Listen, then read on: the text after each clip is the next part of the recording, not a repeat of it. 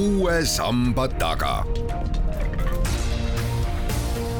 sammaste taha aitab vaadata sajaaastane eestikeelne rahvusülikool tere kuulama saadet, mis räägib haridustehnoloogiast, tehisintellektist ja võtab meie tehtu ja kogemuste kõrvale jutuks ka selle, mis jäi professor Margus Pedastele silma Singapuris ning Austraalias. jutujuht Madis Ligi. miks see tehisintellekt nii tähtis on ja teadlastele nii palju tööd annab? tervist, eks sellepärast, et äh, loodetakse lahendusi suurtele probleemidele ja kui me uur, ise uurisime õpetajate hulgas spetsiifilisemalt tehisintellektile seatud ootusi, siis esimene ootus oli see, et, et see võimaldab kiiremaks teha meil erinevaid otsustusi. teine oli see, et, et võimaldab rohkem personaliseerida ja kolmas oli see, et, et võimaldab hindamist tõhusamaks muuta nii et me loodame üle maailma, et tehisintellekt võimaldab meie elu paremaks, lihtsamaks, kvaliteetsemaks teha ja sellepärast ka siis need arvukad tööd teaduspõllul, et seda valdkonda arendada, uurida ja suunata. absoluutselt, tõesti, viis koma seitse protsenti viimase aja artiklitest käesoleval aastal ilmunud artiklitest on tehisintellekti teemal maailmas, nagu kuulsime Austraalias konverentsil, siis ühelt selle valdkonna tippkurult äh, George Siemensist, Siemensilt, kes siis äh, töötab ka siis äh, Lõuna-Austraalia ülikoolis. ja samamoodi võib ütelda, et noh, näiteks hariduse valdkonnas on eraldi asutatud ajakiri, mille pealkiri ongi International Journal of Artificial Intelligence in Education. et iga valdkonna puhul on oma võib-olla küsimused ja ootused, lootused ja ka oma hirmud, mis seostuvad sellega, nii et meil just kolleegidega õnnestus avaldada selles ajakirjas käesoleval aastal ka üks artikkel sellest, kuidas sada nelikümmend Eesti õpetajat tajuvad tehisintellekti võimalusi, millised on nende teadmised, milliseid ohte nad sellega seoses näevad ja, ja, ja kuidas siis nendele ka vastu astuda, et, et see on ka üks selline nii-öelda märk sellest, et see teema on järjest olulisem no loodetavasti näevad meie koolmeistrid ikkagi enam võimalusi kui raskusi. jaa, tegelikult küll, kuid mis tuli huvitav asi meie uuringust välja, oli see, et noh, ükski õpetajatest ei hinnanud enna, ennast eksperdiks eh, tehisintellekti valdkonnas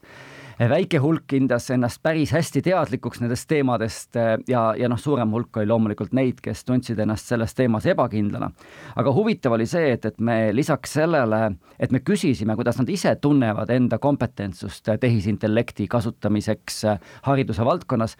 küsisime ka eh, sellise kuue küsimusega noh, nii-öelda nende teadmisi tegelikult tehisintellektist ja, ja, ja huvitav oli see, et, et teadmised ja enesehinnang ei läinud kokku need, kes arvasid endast paremini, olid tegelikult kehvemate teadmistega kui need, kes olid kahtlevamad tehisintellekti teadmiste osas iseenda puhul. nii et selles mõttes äh, mõeldes ka sellele, et, et Eesti on ju Euroopas number üks riik digivalmiduse osas, on, on hästi huvitav, et, et et, et meie õpetajad niimoodi arvavad ja, ja, ja nende valmisolek võib-olla on tegelikult suurem, kui, kui nad ise seda nii-öelda välja oskavad mõelda ja noh, mis muidugi oli huvitav tõesti Austraalias äh, käies, oli see, et, et ähm, noh, kuigi meie artikkel ilmus alles käesoleval aastal, siis sellest äh, Austraalia kolleegid olid juba päris hästi teadlikud ja praegu paistabki, et, et äh, hoolimata hilisest ilmumisest on seda juba päris palju viidatud ka erinevate teiste uurijate poolt, et, et meil on oma roll siin eh, tehisintellekti teadlikkuse kasutamise, oskuste arendamisel kogu maailmas. kas see tähendab ka seda, et Tartu Ülikooli teadlased tegelevad selle teemaga ja selle kajastusega, rakendamisega nii siis eh, põhikoolides, gümnaasiumites, ametikoolides ja ülikoolides? ma pean ütlema, et meil ei ole võimekust sellega veel piisavalt tegeleda et see on kindlasti palju suurem teema ja me, me oleme rohkem, ütleme sellise küsimuse juures isegi praegu, et, et, et kuidas määratleda üldse eh, haridustehnoloogiate tähendust ja tähtsust eh, hariduselus, ükskõik, kas siis üldhariduskoolides või ka kõrgkoolides. ja, ja selle koha peal me oleme praegu siis mõtestamas üha täpsemalt seda, et, et, et milline on siis haridusinimestele vajalik digipädevus sealhulgas siis tehisintellektiga seonduvad pädevused. Euroopa siis selline digipädevuste raamistik, mis ei ole nüüd hariduse kontekstis, vaid on laiemalt äh,, käsitleb digipädevust erinevatel elualadel. see sai uuenduse käesoleva aasta märtsis ja, ja selle nii-öelda üks põhiuuendusvaldkondi ongi see, et, et kuidas tehisintellektiga seonduvaid teadmisi käsitleda erinevates eluvaldkondades hariduse valdkonnas äh, kitsamalt veel õpetajate ja, ja, ja koolitajate, see tähendab, et ükskõik, kas need koolitajad on siis üldhariduskoolides, lasteaedades või kõrgkoolides või ka ettevõtetes, me, me näeme seda, et, et tegelikult me peame pöörama tähelepanu mitte ainult sellele ütleme siis sellisele baaskompetentsile vaid ka sellisele kontekstuaalsele kompetentsile, et, et kuidas kasutada noh, näiteks siis tehisintellekti võimalusi konkreetses hariduskontekstis. mida mina õpetajana või õppejõuna saan selle eh, tehisintellekti eh, võimalustega täna peale hakata, aga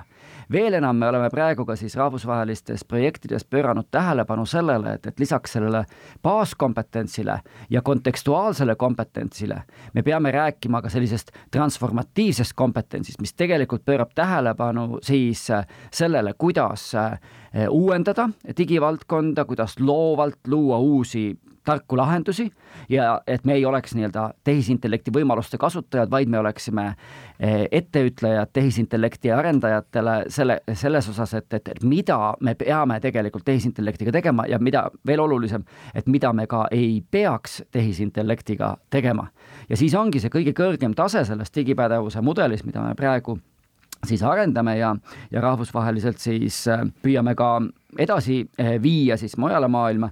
on, on, on siis äh, selline nii-öelda äh, aspekt, mis tuli ka meie uuringust õpetajatega välja, äh, mis käsitleb endas digitehnoloogiate, sealhulgas tehisintellekti eetilist, moraalset, kriitilist kasutamist, et me ei kasutaks seda ülemäära ja, ja et me, et me ka mõtestaksime, et, et, et millised on privaatsusega seonduvad küsimused, aga millised on ka ütleks isegi keskkonnakaitse ja kestliku arenguga seonduvad küsimused ehk siis, et ei tohi minna liialt leili ja nagu massipsühhoosiga kaasa, vaid ikkagi mõtestatud tegevus peab olema, et see ei ole mitte moevool, vaid see on ajasund. jah, eh, see annab meile võimalusi, aga see seab ka ohtusid ja me peamegi mõtlema eh, tarkade inimestena seda, et, et millised on need võimalused, mida me tingimata peame ära kasutama ja millised on need, mille me peame nii-öelda kõrvale jätma. toon sellise näite mulle, eh, mida me hästi väga palju mõjutanud tegelikult eh, käesoleva aasta kevadel eh, kolleeg Arvi Freiberg, kes on siis Tartu Ülikooli biofüüsika professor, ettekanne sellest, sellest, et ka infol on mass ka infol on mass, ta tugines ka palju siis Portsmouthi ülikooli professorile Melvin Wobsonile ja lähtudes siis aineenergia jäävuse seadusest, eh, võib öelda, et, et üks bitt infot kaalub kolm koma kaks korda kümme astmel, kümme astmel miinus kolmkümmend kaheksa kilogrammi. Ja, ja kui nüüd sealt edasi mõelda, et, et mõelda, et, et kuidas me praegu info hulk kasvab maailmas, kuidas me ise oleme hästi sageli sellises äh, sellise mõtteviisiga, et, et mida rohkem andmeid, seda parem ja see on üks tehisintellekti selline riukalik auk tegelikult, et, et püüame koguda kõiki andmeid ja siis kaevandame nende andmete seast midagi. aga kui nüüd mõelda, et praegu iga aastaga kasvab inimkonna loodav andmehulk umbes viiskümmend protsenti siis tähendab see seda, et, et kui me nüüd paneme selle pisikese massi, kolm koma kaks korda kümme astme miinus kolmkümmend kaheksa, sellesse suurde info hulka sisse, siis me näeme, et saja kuni saja viiekümne aastaga maakeral enam ei ole mateeriat, ei ole enam ainest, sest kõik aines on muudetud infoks ja, ja nüüd ongi siis see, et, et meie nii-öelda tarkus seisab selles, et, et me peaksime mõtlema, et, et, et milline, millist infot koguda, kus tehisintellekti rakendada ja, ja kui palju eh, ainet ja energiaressurssi meil see tegelikult võtab. ehk siis me peaksime võib-olla ühel hetkel mõtlema sellele, et eh, meil ei tohi andmeid rohkem maailmas olla, kui meil täna on vaid me peame mõtlema, millised andmed me peame kustutama, millised andmed on väärtuslikumad andmed, milliseid andmeid koguda, milliseid andmeid mitte koguda. Ja see on võib-olla laiemalt digipädevuse üks selline oluline komponent tulevikuks.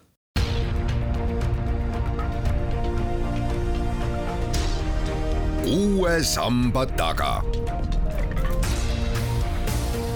sammaste taha aitab vaadata sajaaastane eestikeelne rahvusülikool professor Margus Pedaste, siinkohal on paslik äh, tuletada meelde ühe teise valdkonna professori tõdemust, et internet on üks ülemaailmne info prügimägi. et seal on meeletult just sedasama massi, millele te siin viitasite ja, ja kolleegile suuna andsite. nii et äh, ikkagi me peame rohkem siis sortima ja teadma, mida me tahame ja mida meil on mõistlik kasutada, kas nii? Jaa, täpselt, et äh, kui nüüd minna noh, näidete juurde, mida me Singapuris näiteks nägime, siis äh, Singapuris ma tooks välja kaks näidet, üks näide me külastasime siis Tartu Ülikooli delegatsiooniga välisministeeriumi toel ja meie Tartu Ülikooli Aasia Keskuse eestvõttel. Hästi palju tuleb tänada siin kahtlemata ka meie Singapuri suursaatkonda ja saadikut, kes aitas organiseerida hästi palju visiite meile. üks nendest oli sellisesse eh, ütleme siis tehnoloogiaettevõtete inkubaatorisse, startup iduettevõtted ja, ja, ja, ja nad hästi sageli tegelesid ka tehisintellektiga seonduvate küsimustega, üks nendest näiteks lahendas probleemi, kuidas koristada prügi või, või eh, maha kukkunud veeklaasi eh, kaubanduskeskustes robotite abil. et kuidas siis kaamerad vaatavad, millal muutub midagi põranda peal ja kuidas siis robot saab teate, et läheb, teeb selle asja korda või siis annab teate inimesele. noh, see on nüüd selline küsimus, et jaa, me sellega nii-öelda vähendame inimeste noh, tööjõuvajadust ja inimesed saavad võib-olla aega millegi muu jaoks, aga noh, natuke tekib see mõte, et et kas see on nagu see kõige olulisem koht, kus me peaksime koguma, mõeldes sellele, kuivõrd mahukas on videoandmestik et me peaksime koguma nii palju videoandmeid selleks, et äh, pühkida ära maha läinud vesi või, või võtta üles äh, maha kukkunud praht. et äh, natuke tekib selline küsimus. teine näide, mida mida siis võis, mida ma nägin siis ühesõnaga siis Nanyangi te tehnoloogiaülikoolis, kus on siis Singapuri riiklik haridusinstituut, maailmas hästi-hästi tuntud oma uuringute ja, ja, ja üldse tugevuse poolest. On, on siis see, et kasutati tehisintellekti virtuaalreaalsuskeskkonnas õpetajate ja vajadusel ka teiste inimeste esinemisoskuste arendamiseks, kus siis tehisintellekt Eh, jälgis seda, kuhu inimene vaatab, kuidas ta haarab kogu auditooriumi ja andis praktiliselt reaalajas tagasisidet. ka selle kohta, et, kuidas kasutatakse selliseid eh, vahesilpe tekstis, mis ei ole tegelikult mõistlikud nagu A ja Ä ja Ü ja mis iganes, eh, mitte päris parasiitsõnu, aga aga ka selles, milline on inimese mm, kõnekiirus, et äh, võtsid jällegi uuringud aluseks, mille järgi on, vist oli sada kakskümmend kuni sada nelikümmend sõna minutis, selline optimaalne, eh, noh, loomulikult see võib olla ka kultuurispetsiifiline, aga, aga, aga noh, ma näen, et ühesõnaga, et sellisel kohal see andis olulise efekti, nende uuringud näitavad, et on võimalik kiiremini treenida olulisi oskusi ja, ja asi võiks olla mõistlik. Kui ma lähen nüüd äh, Singapurist Austraaliasse, siis Austraalias oli hea näha ühelt poolt, eh, milline on, eh, külastasime Melbourne'i ülikooli ja, ja Troobi ülikooli seal Mel-, Melbourne'is ning ka, ning ka Melbourne'is erinevaid koole. ja, ja ühes koolis me nägime sellist lahendust, kus oli õpetajate jaoks tehtud äh, väga lihtsaks äh, õpilaste edasijõudmise andmete analüüs või õigemini niimoodi, et tehisintellekt analüüsis need andmed ära ja õpetaja sai ilusa väljundi. sellise väljundi, mida meil praegu Eestis enamasti noh, doktorandid või teadlased äh, teevad käsitsi, kasutades õpi analüütikaprogramme. aga, aga noh, see on see koht, kus, kus võib jällegi mõelda, et, et, et juhul, kui see tõepoolest võimaldab meil, nagu alustasime, õpetajate ootusi täita, kiiremini õppida, personaliseerida ja, ja, ja vähendada seda õpetaja tagasisidestamise vajadust no sest õpetaja ei jõua kõigi õpilasteni, ei jõua personaalselt eh, iga õpilaseni eh, niivõrd kiiresti, kui see oleks nii-öelda optimaalne, mõeldes sellele, et, et kohene tagasiside on kõige tõhusam tagasiside, et siis see on mõistlik. aga kui see on lihtsalt selleks, et eh, noh, nii-öelda teha midagi, mida, mida inimesed võiksid ka ise väga hästi teha siis äh, võib-olla see ei ole kõige mõistlikum lahendus. ja siin meenub veel üks asi, mida siis õpetajad Eestis äh, meie uuringu järgi tõid ühe sellise murekohana nagu välja, oli just nimelt see hirm selles osas, et, tehisintellekt vähendab sellist äh, sotsiaalset suhtlemist ja, ja see on ka see väljakutse, et, et kuidas siis tehisintellekt võiks aidata pigem sotsiaalset suhtlust toetada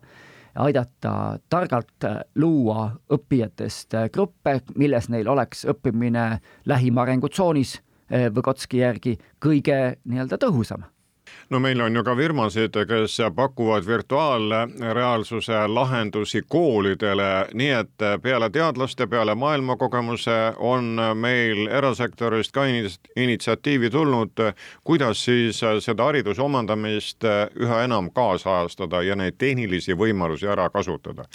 see on meeletu maailm. Absoluutselt. Ja noh, üks kindel lahendus on siin see, et me peame koostööd tegema seesama eh, nii-öelda hirm, mis käib tehisintellektiga kaasas, käib kaasas ka tegelikult eh, reaalmaailmas, et eh, praegu Tartu Ülikooli puhul mul on hea meel öelda, et, et meil on õnnestunud just äsja alustada koostööd ühe eraettevõttega, kes virtuaalreaalsuskeskkondi loob, et luua selline esimene meie õpetajakoolituses kasutatav virtuaalreaalsuskeskkond selleks, et aidata õpetajatel õppida oskusi lapsevanematega suhtlemiseks asi, mida neil näiteks pedagoogilisel praktikal koolis või lasteaias ei ole eh, sageli võimalik piisavalt eh, harjutada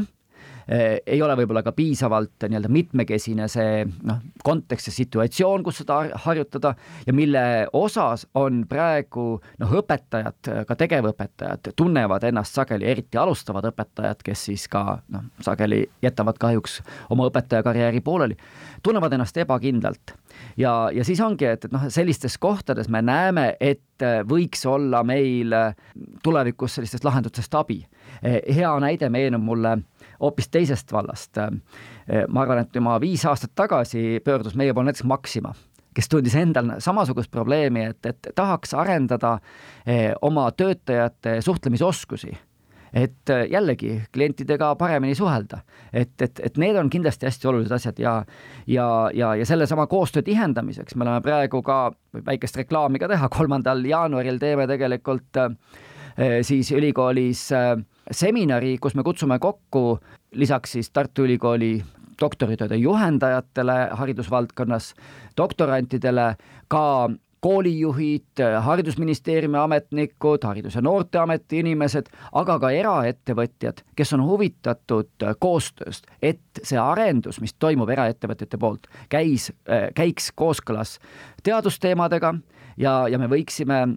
võiksime nii-öelda üheskoos võita. Kuigi siin ma näen ühte ohtu, mis minu jaoks tuli hästi selgelt Singapuris välja kus tuli välja see, et, et meie üks võimalik nii-öelda probleem, miks meil ei ole alati õnnestunud hästi koostöö siis ettevõtjate, arendajate ja teadlaste vahel, on Eesti väiksus. Singapur on küll pindalalt palju väiksem, rahvaarvult üle nelja korra suurem, eh, rahvastiku tihedus, eh, arvutasin just, eh, umbes kolm korda suurem kui, kui Tallinnas või Tartus ja, ja see annab võimalusi, see annab võimalusi selleks, et, et kui teadlased enamasti lõpetavad oma tööarenduse kuskil tehnoloogiavalmiduse tasemel kaks-kolm, siis ettevõtjad tahaksid saada toote arendamiseks seda valmidusel kuus-seitse või ideaalis kaheksa ja seal vahel jääb lünk. Singapuris neil on eraldi sektor inimesi, kes keskenduvadki selle lõhe eh, täitmisele, kes arendavad siis teadlaste poolt eh, loodu eh, siis ettevõtjatele sobivale kujule, valmidusastmesse ja see võimaldab ka paremat koostööd aitäh, professor Margus Pedaste, see oli ülevaade siis sellest, millised on need äh, vaod haridustehnoloogia põllul nii meil kui ka mujal maailmas, lühidalt tegevus on väga aktiivne ning me jääme lootma ja ootama uusi lahendusi selleks, et koolitööd paremini korraldada. küsija oli Madis Ligi.